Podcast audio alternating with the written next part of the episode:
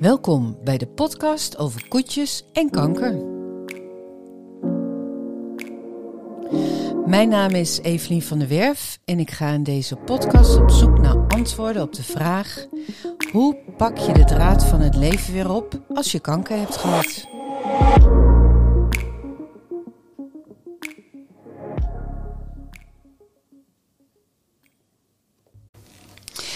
Vandaag zit ik aan tafel bij Patricia Berghoff. Ik ken Patricia persoonlijk niet. Zij heeft ook gereageerd op mijn oproep op LinkedIn. Uh, met mijn vraag van wie wil zijn verhaal voor de microfoon komen delen. Uh, zij reageerde en toen ben ik uh, Patricia gaan googelen. En toen zag ik een interview met haar en dat vond ik heel interessant. Waarin ze het had over: ik heb een leven voor de borstkanker, tijdens de borstkanker en na de borstkanker. Welkom, Patricia. Dankjewel. Leuk, leuk.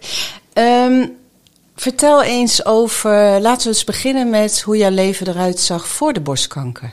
Uh, mijn leven voor de borstkanker was uh, voor mij een leven met alleen maar uh, positieve invullingen en een weg omhoog.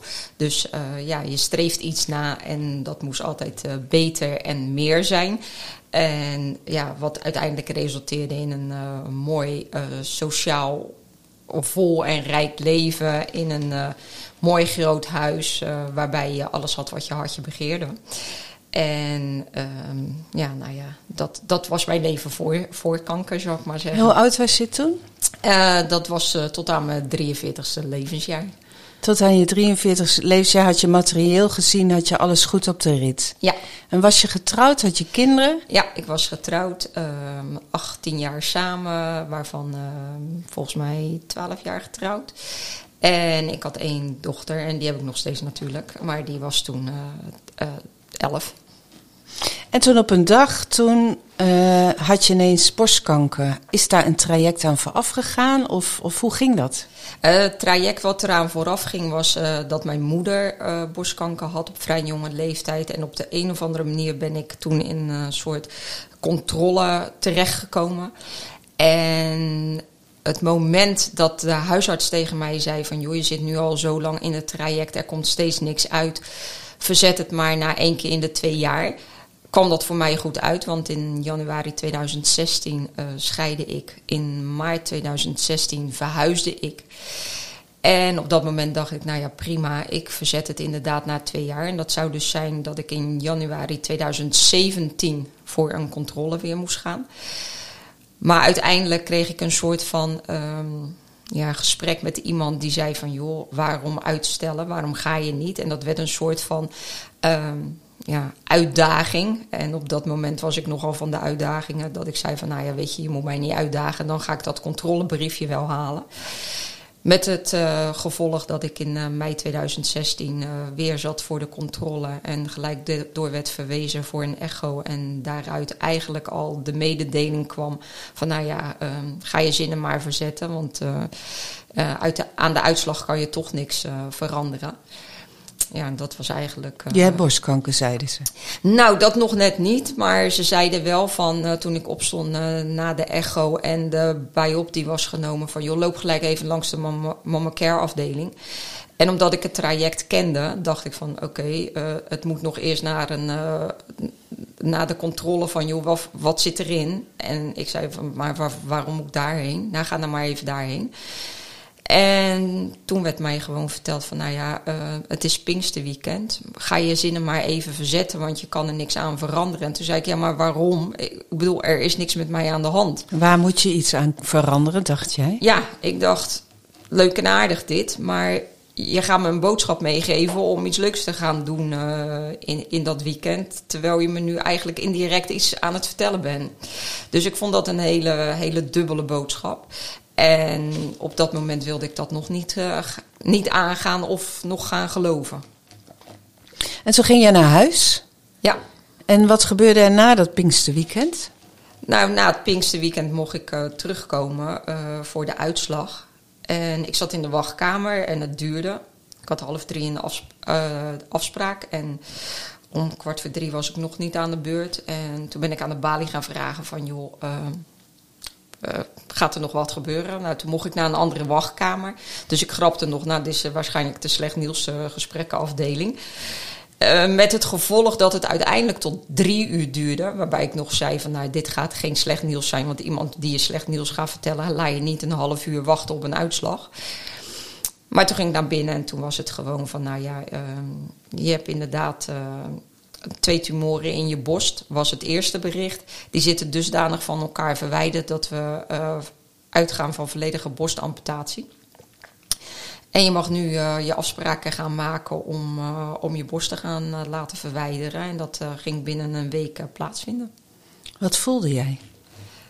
op dat moment dacht ik: oké, okay, ja, nou ja, één op de zeven vrouwen krijgt dit bericht, dus we, we, gaan het maar aan. Dus eigenlijk een beetje een soort verdoofd liep je de wachtkamer uit en ben je de afspraken gaan maken. Om, zou ik maar zeggen, dat traject in te gaan. En toen, toen kwam je thuis, want je, je was alleen in het ziekenhuis? Uh, nee, met mijn moeder was ik. Je moeder die ook al dat traject had doorlopen? Ja, ja. dus uh, ik was met mijn moeder daar. En toen ik thuis kwam, ja, toen ben ik mijn dochter gaan informeren. De mensen om me heen, mijn ex-man. Mijn vader die reageerde van, nou, mm, ik zou even een second opinion aan gaan vragen, want dit geloof ik niet. Ehm, ja, en mensen zijn geschokt. Ik geloof dat ik aan uh, diverse mensen gewoon een appje heb gestuurd. die achteraf uh, daar vrij boos om werden. Oh ja? Maar ik ging het vrij zakelijk en plastisch aan. Oké, dus jij, jij, jij kreeg een hele, nou, dus een statement, nare boodschap. En op de een of andere manier ben je dat als een zakelijk iets gaan doorgeven. Ja, ik, ik in mijn ogen ben ik altijd een soort stoere vrouw en een vechter geweest. En ben ik dit inderdaad als een soort van zakelijk iets aangegaan. Van nou ja, oké. En relationeel, of realistisch, sorry. Um, één op de zeven vrouwen krijgt dit. En ik ben één van die zeven vrouwen. En ik moet hier gewoon uitzien te komen. Mm -hmm. Net gescheiden, ik zorg voor mijn dochter. Dus, Jij stond kan je zeggen dat je nog steeds in een soort overleefstand stond toen je ja. daaraan begon? Ja. En dat heeft vrij lang geduurd. Toen ben jij dat traject ingegaan, je bent geopereerd. Heb je nog nabehandelingen uh, gehad? Uh, nou ja, toen ik uh, dus ehm, geopereerd was, was mijn borst eraf gehaald. En de poortwachtersklier wordt er dan standaard ook uitgehaald. En daaruit kwam op een gegeven moment de uitslag. Je hebt niet twee tumoren, maar er zaten er drie in. En je hebt een uitzaaiing in je poortwachtersklier. Want inmiddels werd me verteld van je bent nog jong. Dus je gaat het hele traject krijgen van uh, chemotherapie. Zes zware chemokuren die in de volksmond de takkenkuur wordt genoemd. En ja. Ik weet precies welke je bedoelt. Ja. Dus, uh, en uh, daarnaast krijg je 7,5 jaar hormoontherapie. Nou, ik wilde mijn haar niet verliezen. Dus ik had al gezegd van, nou ja, die uh, chemokuren ga ik niet doen. En toen zeiden ze tegen mij, nou, als je uitzaaiingen hebt, dan moet je wel. En toen dacht ik, oké, okay, welke indirecte boodschap is dit? En het bleek dus inderdaad, want ik zei tegen een vriendin, let maar op, ik heb uitzaaiingen. En toen zei ze, waar baseer je dat op? Ik zeg, nou, op de dingen die ze je zeggen. Of juist niet zeggen. En het gevolg was dus inderdaad, uh, er zat een uitzaaiing in mijn poortwachterskleer, waardoor ik de chemocura uh, moest gaan volgen. En toen ben ik ook daar weer eigenlijk heel zakelijk ingegaan. Ik heb gevraagd van, joh, wat zijn mijn opties wat betreft mijn haar? En toen zeiden ze, die, uh, die cold cap die je kan gebruiken, die geeft je geen 100% zekerheid. Toen dacht ik, oké, ik had al onderzoek gedaan wat dat met je deed. Toen dacht ik, nou, dat risico ga ik niet aan als het me geen 100% zekerheid geeft. En toen heb ik mijn haar kort geknipt. En exact de dagen wat ze aangaven dat je haar ging uitvallen, was ook zo. Ik droeg moment, op dat moment ook geen make-up. Dus ik ben naar de Douglas gegaan. Ik heb make-up advies gevraagd, omdat ik wel wist wat het met je ging doen. En toen heb ik me heel goed opgemaakt. En toen hebben we mijn haar eraf gehaald op een gegeven moment. En ja, uiteindelijk viel dat toen nog mee, het gezicht. Want je had je wimpers nog en je wenkbrauwen nog. Dus het hele plaatje. En mijn, en, en, mijn, en mijn hoofd was redelijk rond, dus dat scheelde. Eh, Je had een goed hoofd voor een, voor een, kale, voor een kale kop, zeg ja, maar. uiteindelijk eh, bleek dat inderdaad zo te zijn. Dus ik grapte nog uh, naar mijn vader van, nou, je hebt me goed afgewerkt. Sorry. Dus je had, je had op een gegeven moment dus... Uh, eigenlijk was jouw eerste reactie... laat me met rust met de chemo, want ik wil mijn haar niet verliezen. Toen ben je gaan uitzoeken wat dat uiteindelijk, uh, wat de mogelijkheden waren, zodat je de, je haar niet zou verliezen. En toen bleek dat het toch, uh, toch ging gebeuren. En je bent begonnen met de chemokuur. Ja. En de eerste drie chemokuren, sorry. Nee, geeft niks. Die waren te doen. En ik bokste destijds zeven dagen in de week. En op het moment dat ik ging voor mijn. was de derde chemokuur. kreeg ik het benauwd. En ik had het benauwd en ik ademde wat raar. Dus ik kreeg van uh, vriendinnen die met me meegingen het advies van: joh, laat daar eens naar kijken. En bij de controle voor de chemokuur zei de oncoloog van... nou ja, weet je, al je vitale functies zijn in orde... dus je mag gewoon die chemokuur aangaan. En die ben ik ook de volgende dag aangegaan. Tot het moment dat ik dus thuis kwam. En mijn ene vriendin vertrok. En mijn andere vriendin belde van, joh, hoe gaat het er nu mee? Ik zeg, nou ja, eigenlijk hetzelfde. Het wordt niet beter.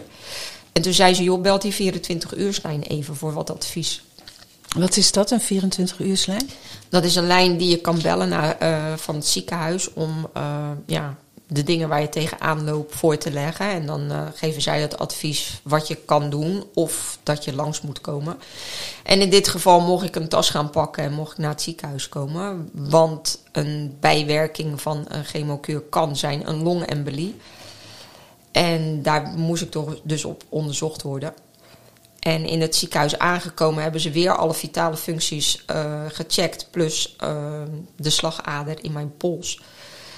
Dat bleek allemaal oké op eerste oog, maar ze gingen me toch houden.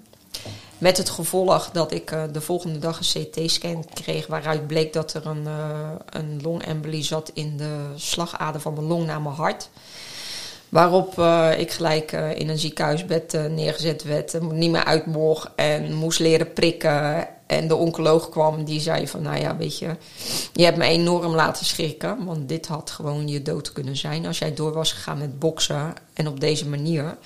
Dan, en toen had ik voor het eerst in het ziekenhuis daar het besef van, oké, okay, wat hier gaande is, is toch wel iets meer dan een griep. Ja zoals ik het, zal ik maar zeggen, plastisch aan was gegaan. Zo van, nou ja, we doen dat eventjes. Uh, ja. Ineens realiseerde je hoe ernstig ziek je was en wat er met je aan de hand was. En nou ja, wat de mensen om je heen uh, in het ziekenhuis uh, allemaal gingen doen om te kijken of je weer beter kon worden. Ja, klopt. En op de kamer waar ik lag, lagen op dat moment nog drie mensen om mij heen. En die drie mensen waren allemaal opgegeven. En een kamer verderop overleed een mevrouw. Dus het besef kwam op dat moment wel heel erg hard binnen. En toen dacht ik voor het eerst: oké, okay, weet je, je bent echt wel een patiënt nu. Misschien moet je wat dingen gaan accepteren. En kon je het delen met mensen om je heen? Had je iemand die je vertrouwde, toe, dat dit soort dingen kon toevertrouwen, omdat je natuurlijk gescheiden was? Ja, ik had veertien vriendinnen om me heen staan op dat moment. Die Zo, dat allerlei, is veel. Ja, die allerlei uh, rollen um, hadden in het proces. De een ging mee uh, naar de. Althans, ze gingen allemaal om toerbeurt mee naar de chemo. Um, de andere op controles. De andere maakte mijn huis schoon. De andere gooide mijn vriezen vol. Wauw. Ja. Had je dat zelf geregeld? Of, of... Nee, nee, nee, nee, nee. Ze waren allemaal eigenlijk opgestaan. En, uh, dat is wel fantastisch. Ja, ja. Dus dat, dat netwerk had ik wel. Maar ik denk wel dat in mijn hele uh, persoonlijkheid van toen was van... Ja, weet je, ik uh, praat veel, maar ik zeg niks. Dus uiteindelijk, uh, het hele proces doe je alleen. Ja. Hoeveel mensen er ook om je heen staan, het proces is van jou. En niemand anders die het proces heeft meegemaakt kan begrijpen wat daar nou daadwerkelijk gebeurt op het moment dat ze van een afstand daarin staan. En dat zie je gebeuren. Ehm, mensen hebben ook hun eigen leven. Mhm. En hun eigen leven gaat door, wat heel logisch is. Alleen ja, in hoeverre laat je ze zelf toe? Nou, precies. Want ik wil net vragen van, eh, stel dat je het, nou niet overdoen, dat, eh, dat is natuurlijk een hele afschuwelijke vraag, maar stel eh, met, met wat je nu weet, wat had je dan anders gedaan? Ik denk dat ik sowieso eerder ehm, psychische hulp had aangevraagd. Mhm. Om je gewoon ehm, in het hele traject te begeleiden. En werd dat al aangeboden? Of? Eh, ze hebben me wel diverse dingen verteld wat opties waren. Maar ik heb tot in een heel lang proces daarna zelfs nog dingen geweigerd. Of als ik de gesprekken aanging met mensen gedacht van... joh, wat, ben jij, wat ga jij mij meer vertellen dan dat ik al zelf weet. Dus ja, Dus als daar je- ben je best wel heel erg in veranderd. daar ben ik heel erg in veranderd, ja. En is dat een positieve verandering? Of? Ik denk dat dat een van de positieve veranderingen is eh, van het ziek zijn. eh, waar je altijd, zou ik maar zeggen, heel rationeel bezig was. En ook zoiets had van, nou ja, het lichaam-geest verhaal. eh, natuurlijk, yeah, right. En als je leven alleen maar eh, positieve ontwikkelingen kent, dan denk ik dat je nooit met je neus op de feiten gedrukt wordt. Ehm, de opmerkingen die ik al altijd had van de mensen die spiritueel bezig waren of meer met het geestelijke, van nou ja, ik ben geen zweefteef, bij wijze van. Ehm, ja, daar ben ik op teruggekomen. Het feit dat mensen wel naar hun lichaam luisterden of meer naar die kant neigden en ik daar eh, een oordeel over zou hebben, Mhm. ja, dat heb ik niet meer. Dat is allemaal weg. Want ik denk, ja, weet je, de meesten met de grootste monden, die, die, die vallen het hardst. Dus je hebt eigenlijk eh, door de kanker eh, een, een noodzakelijk kwaad eh, omgezet naar iets positiefs. Namelijk dat je hebt geleerd eh, om beter naar je, je lijf en naar je gevoel en naar je gedachten te kijken. En dat je eigenlijk eh, alles wat je nodig had, hè, dat je lijf je dat kan vertellen. En dat je dat op die manier ook met de buitenwereld mocht delen.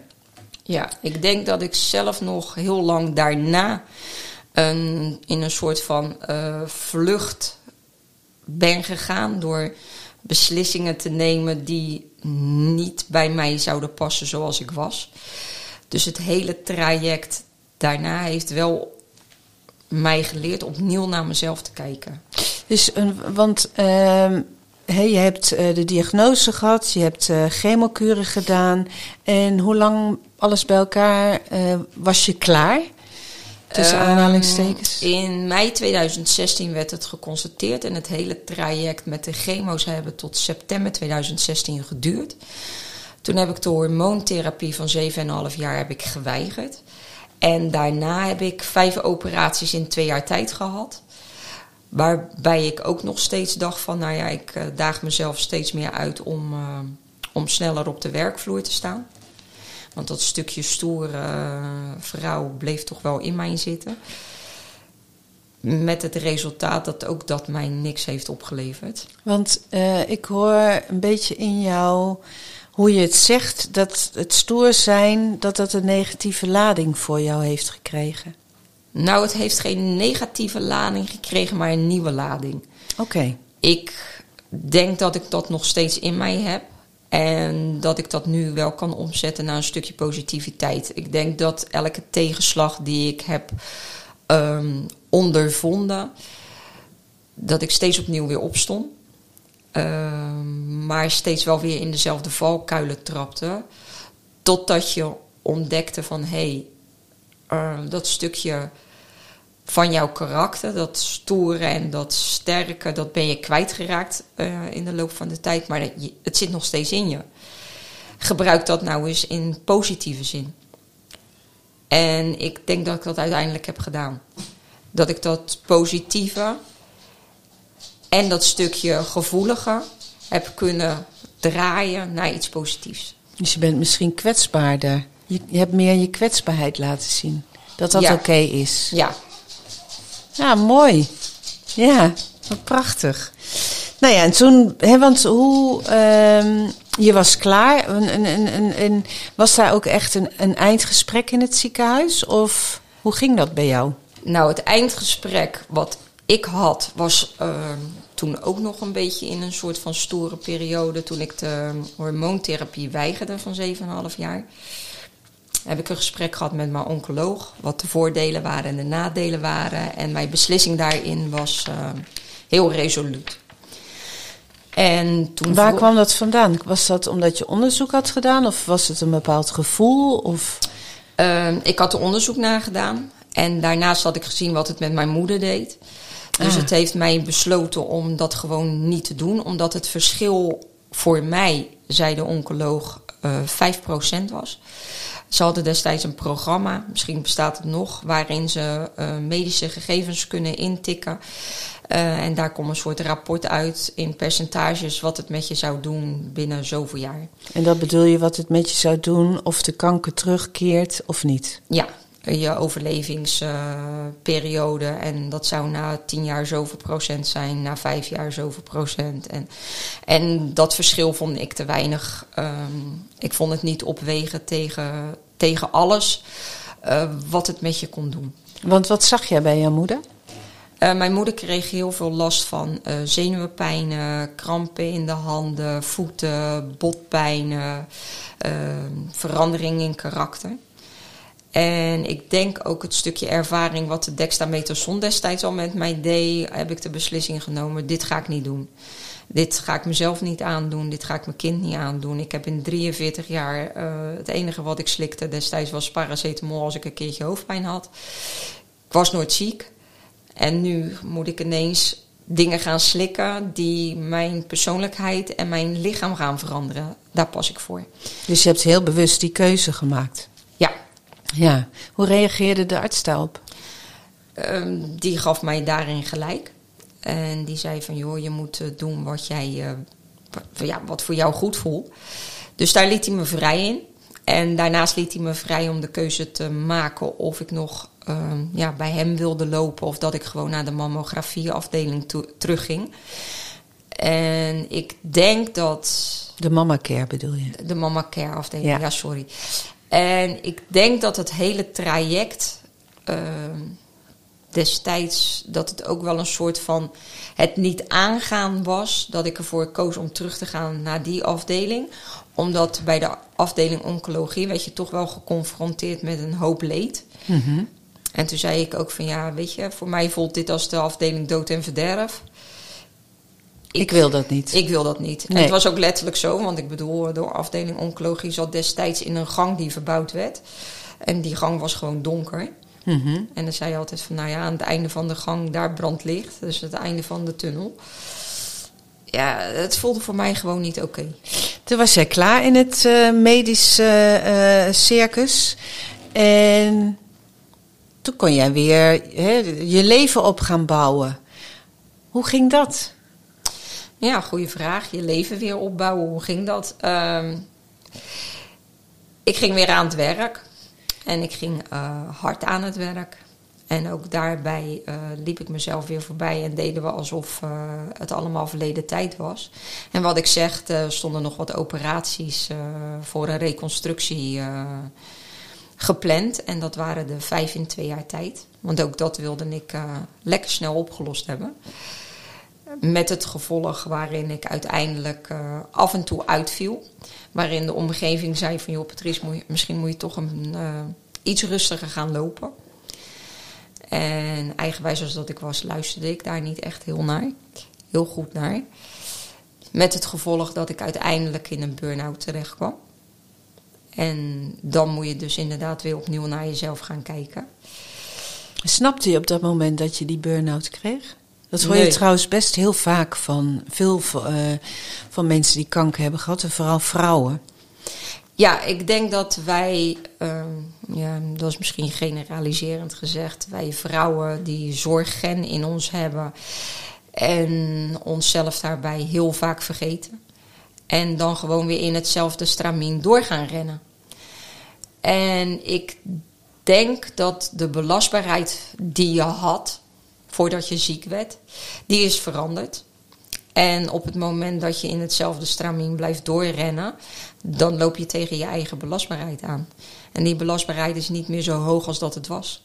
En kreeg jij signalen uh, voordat je in die burn-out uh, belandde?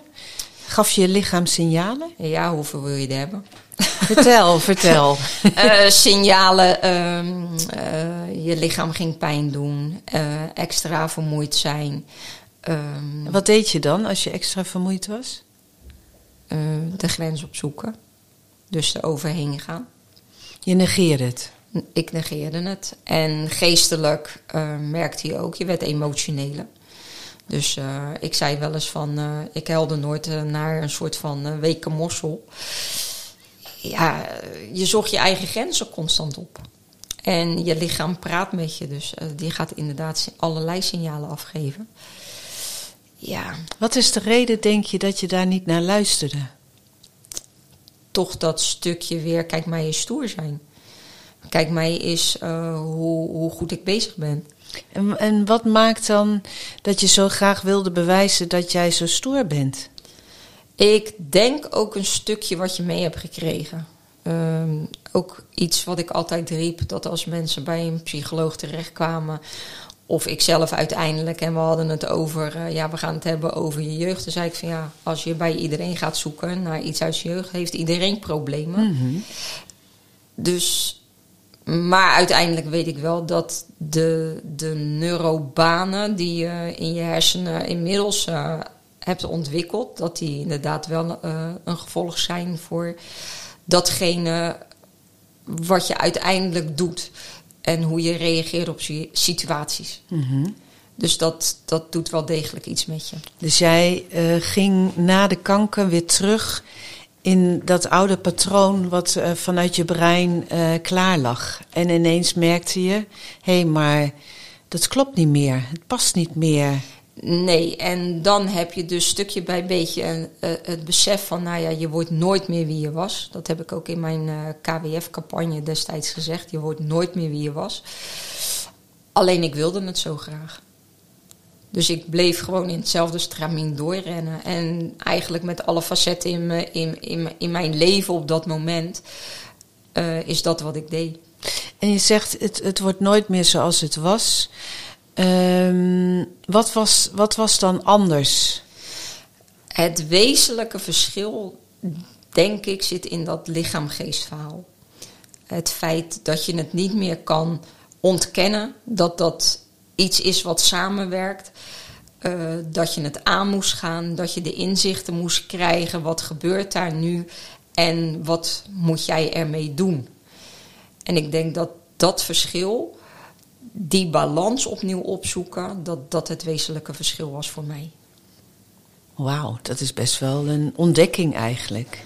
Ja, zeker voor een uh, hele nuchtere Rotterdamse zoals ik is dat een uh, hele grote ontdekking. Uh, dus je was eerst enorm in de weerstand en op een gegeven moment, wat gebeurde er daarna?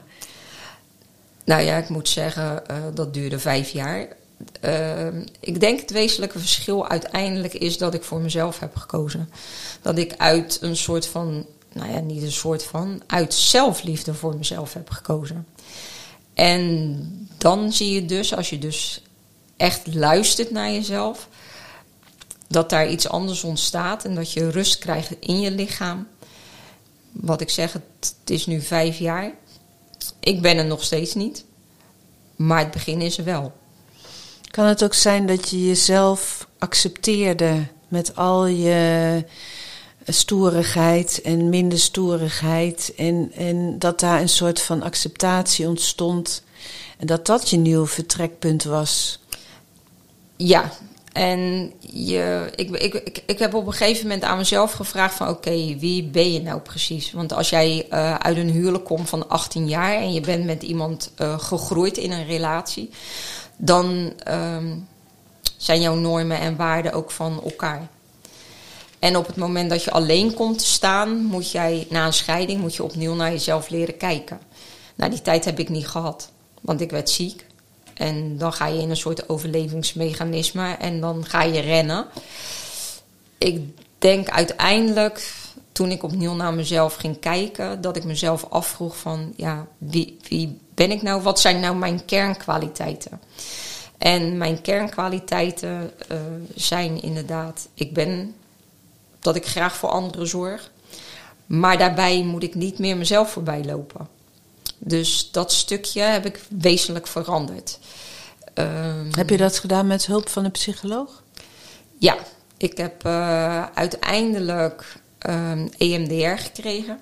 Wat is dat precies? EMDR, dat is uh, ja, uh, wat, wat, ze eigenlijk doen is, en dat kan op verschillende manieren door je ogen te, te draaien of tikjes die je hoort of iets anders, is eigenlijk je neurobanen uh, verleggen, zodat de patronen die je had, dat die verdwijnen en dat je nieuwe patronen ontwikkelt. Ja, het is een, een therapie waarmee je tikt op je hoofd, geloof ik? Uh, nee, dat is EFT.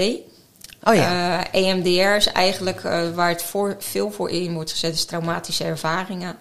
En wat ik zeg, het kan uh, je ogen, dat, ze dat, dat, ze, dat je een vinger moet volgen of Oh, wat dan ook. Het is eigenlijk een afleiding voor je hersenen. Ik heb het dan gedaan met een koptelefoon en een soort van tik, tikjes. Um, waarbij ze dus zorgen dat de, de denkwijze die je hebt en de oude patronen die je dus vast hebt gezet in je, in je hersenen, dat die een andere baan vinden. En dat je dus op een andere manier naar situaties gaat kijken. Waardoor dus je eerste reactie uh, anders wordt. Dus je gaat niet meer op de automatische piloot, maar je gaat je nieuwe patroon in. De nieuwe baan in je, in je hoofd eigenlijk. Ja. Die je zelf, eigenlijk zelf kiest.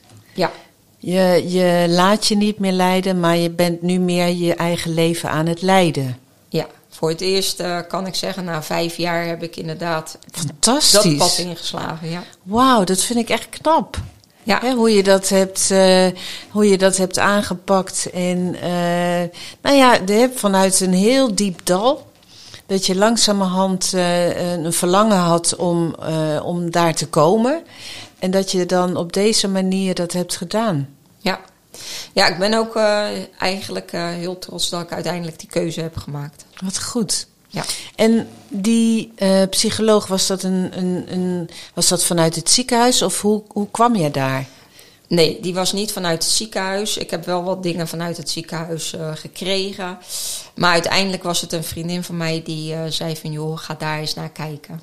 Ik denk dat je daar meer baat van bij je hebt. En dat heb ik gedaan. En die was niet uh, gespecialiseerd in oncologische gevallen of zo? Nee. Nee, dit was gewoon echt een uh, uh, GZ-psycholoog? Nee, zelfs niet. Het is eentje die ik zelf moet betalen. Oké. Okay. En, maar ja, goed, ik had het ervoor over. Ja. En ik moet ook eerlijk zeggen dat ik destijds had van... ja, um, ik zie nog niet echt resultaat. het waren babystapjes die, uh, die je maakte. En uh, voor mij, ja, dan blijft toch een stukje karakter erin zitten. Een vriend van mij zei altijd van, jij wil die berg recht, recht, echt recht, straight to the top. Maar ga er eens omheen. Dan kom je hele mooie dingen tegen en dan kom je ook op de top. Mooi. Ja, en ik moet zeggen dat ik dat wel mee heb genomen en mezelf dus de tijd heb gegeven. En nu uiteindelijk wel zie dat, dat het me heel veel heeft gebracht. Ja, dat vind ik mooi dat je dat zegt. Dat alles inderdaad tijd nodig heeft. Hè? Je achteraf kan je heel vaak zeggen van jeetje, toen je, als je er middenin zit, dan denk je, oh man, waar gaat dit naartoe? Dat komt nooit meer goed. En achteraf, wat er ook gebeurt in je leven, kan je altijd weer zeggen, de tijd heelt ook heel veel wonden. Ja, ja het is uh, inderdaad, je moet jezelf de tijd en de ruimte geven om um, tot rust te komen. En te accepteren. En ik vind dat woord nog tot op de dag van vandaag nog echt dat ik denk van dat is een trigger voor mij. Acceptatie, geestelijke acceptatie. Maar uiteindelijk is dat wel wat het is. En niemand kan je daar het recept voor geven voor geestelijke acceptatie. Maar op het moment dat je gaat inzien wat er is gebeurd en wat er gebeurt, dan ben je daar. Dus je, jij, je, ja, sorry. Je had geen recept, maar je hebt eigenlijk je eigen recept gemaakt. Ja. Je had een resultaat voor ogen En toen ben je daar een, uh, nou ja, in vijf jaar tijd heb je eigenlijk zelf een recept gemaakt, waardoor je dat uiteindelijk uh, resultaat wat je heel graag wilde, dat je dat hebt kunnen maken. Ja, want wat je op een dat zei ik ook op een gegeven moment uh, in gesprek met vriendinnen. Wat je gaat doen op het moment dat je in zo'n dal komt, um, dan ga, ga je uh, dingen zoeken. Dingen zoeken die je kunnen helpen. Uh, je gaat mediteren, je gaat verbonden ademen, je gaat zelf hulpboeken lezen. Alles wat maar in je macht ligt om jou te helpen. En ik heb het destijds in mijn interview al gezegd: uiteindelijk moet je het zelf doen. En ik doen, denk, zeg je heel nadrukkelijk doen. Ja, zelf doen. Je moet zelf die inzichten krijgen. En ik denk dat je uiteindelijk uit alles wat je leest, meemaakt, ziet, je datgene moet halen wat jou verder helpt. Dus wat werkte voor jou? Wat voor mij werkt, werkt niet voor een ander. Alleen je kan leren van een ander. Dat is ook de reden waarom ik dit gesprek graag met jou uh, uh, uh, wilde doen. Omdat ik vind dat als wij als ex-kankerpatiënten mensen verder kunnen helpen, al is het maar een heel klein beetje, dan bereiken we zoveel meer. Ja, ja daarom ben ik ook zo blij dat je dit verhaal vertelt. Um, en tot slot, heb jij een tip voor de luisteraars hoe zij um, de draad van het leven weer op kunnen pakken? Ik denk dat mijn tip is, uh, datgene wat ik hiervoor zei, maar daarnaast ook ge geef jezelf oprecht die tweede kans. Kijk opnieuw naar jezelf. Waar liggen je kernkwaliteiten? En nou, het woordje acceptatie, accepteren ga ik het niet eens meer noemen. Maar kijk met wat je kernkwaliteiten zijn, wat je nog kan en wat ligt in je mogelijkheden. Maar gun jezelf gewoon die tweede kans. Dankjewel. Alsjeblieft. Heb jij nog tips of suggesties over onderwerpen of gasten? Laat het me weten via de mail. Evelien van der Werf gmail.com met dubbel F trouwens. En als je denkt, wie is dat mens achter die microfoon en wat doet ze allemaal? Neem dan eens een kijkje op mijn website www.evelienvanderwerf.info. Trouwens, in het tekstblok onder deze podcast vind je altijd alle informatie over de onderwerpen terug. Bedankt voor het luisteren en tot de volgende aflevering van Over Koetjes en Kanker. Won't you let me be a lifeline? Carry with me through the darkest night.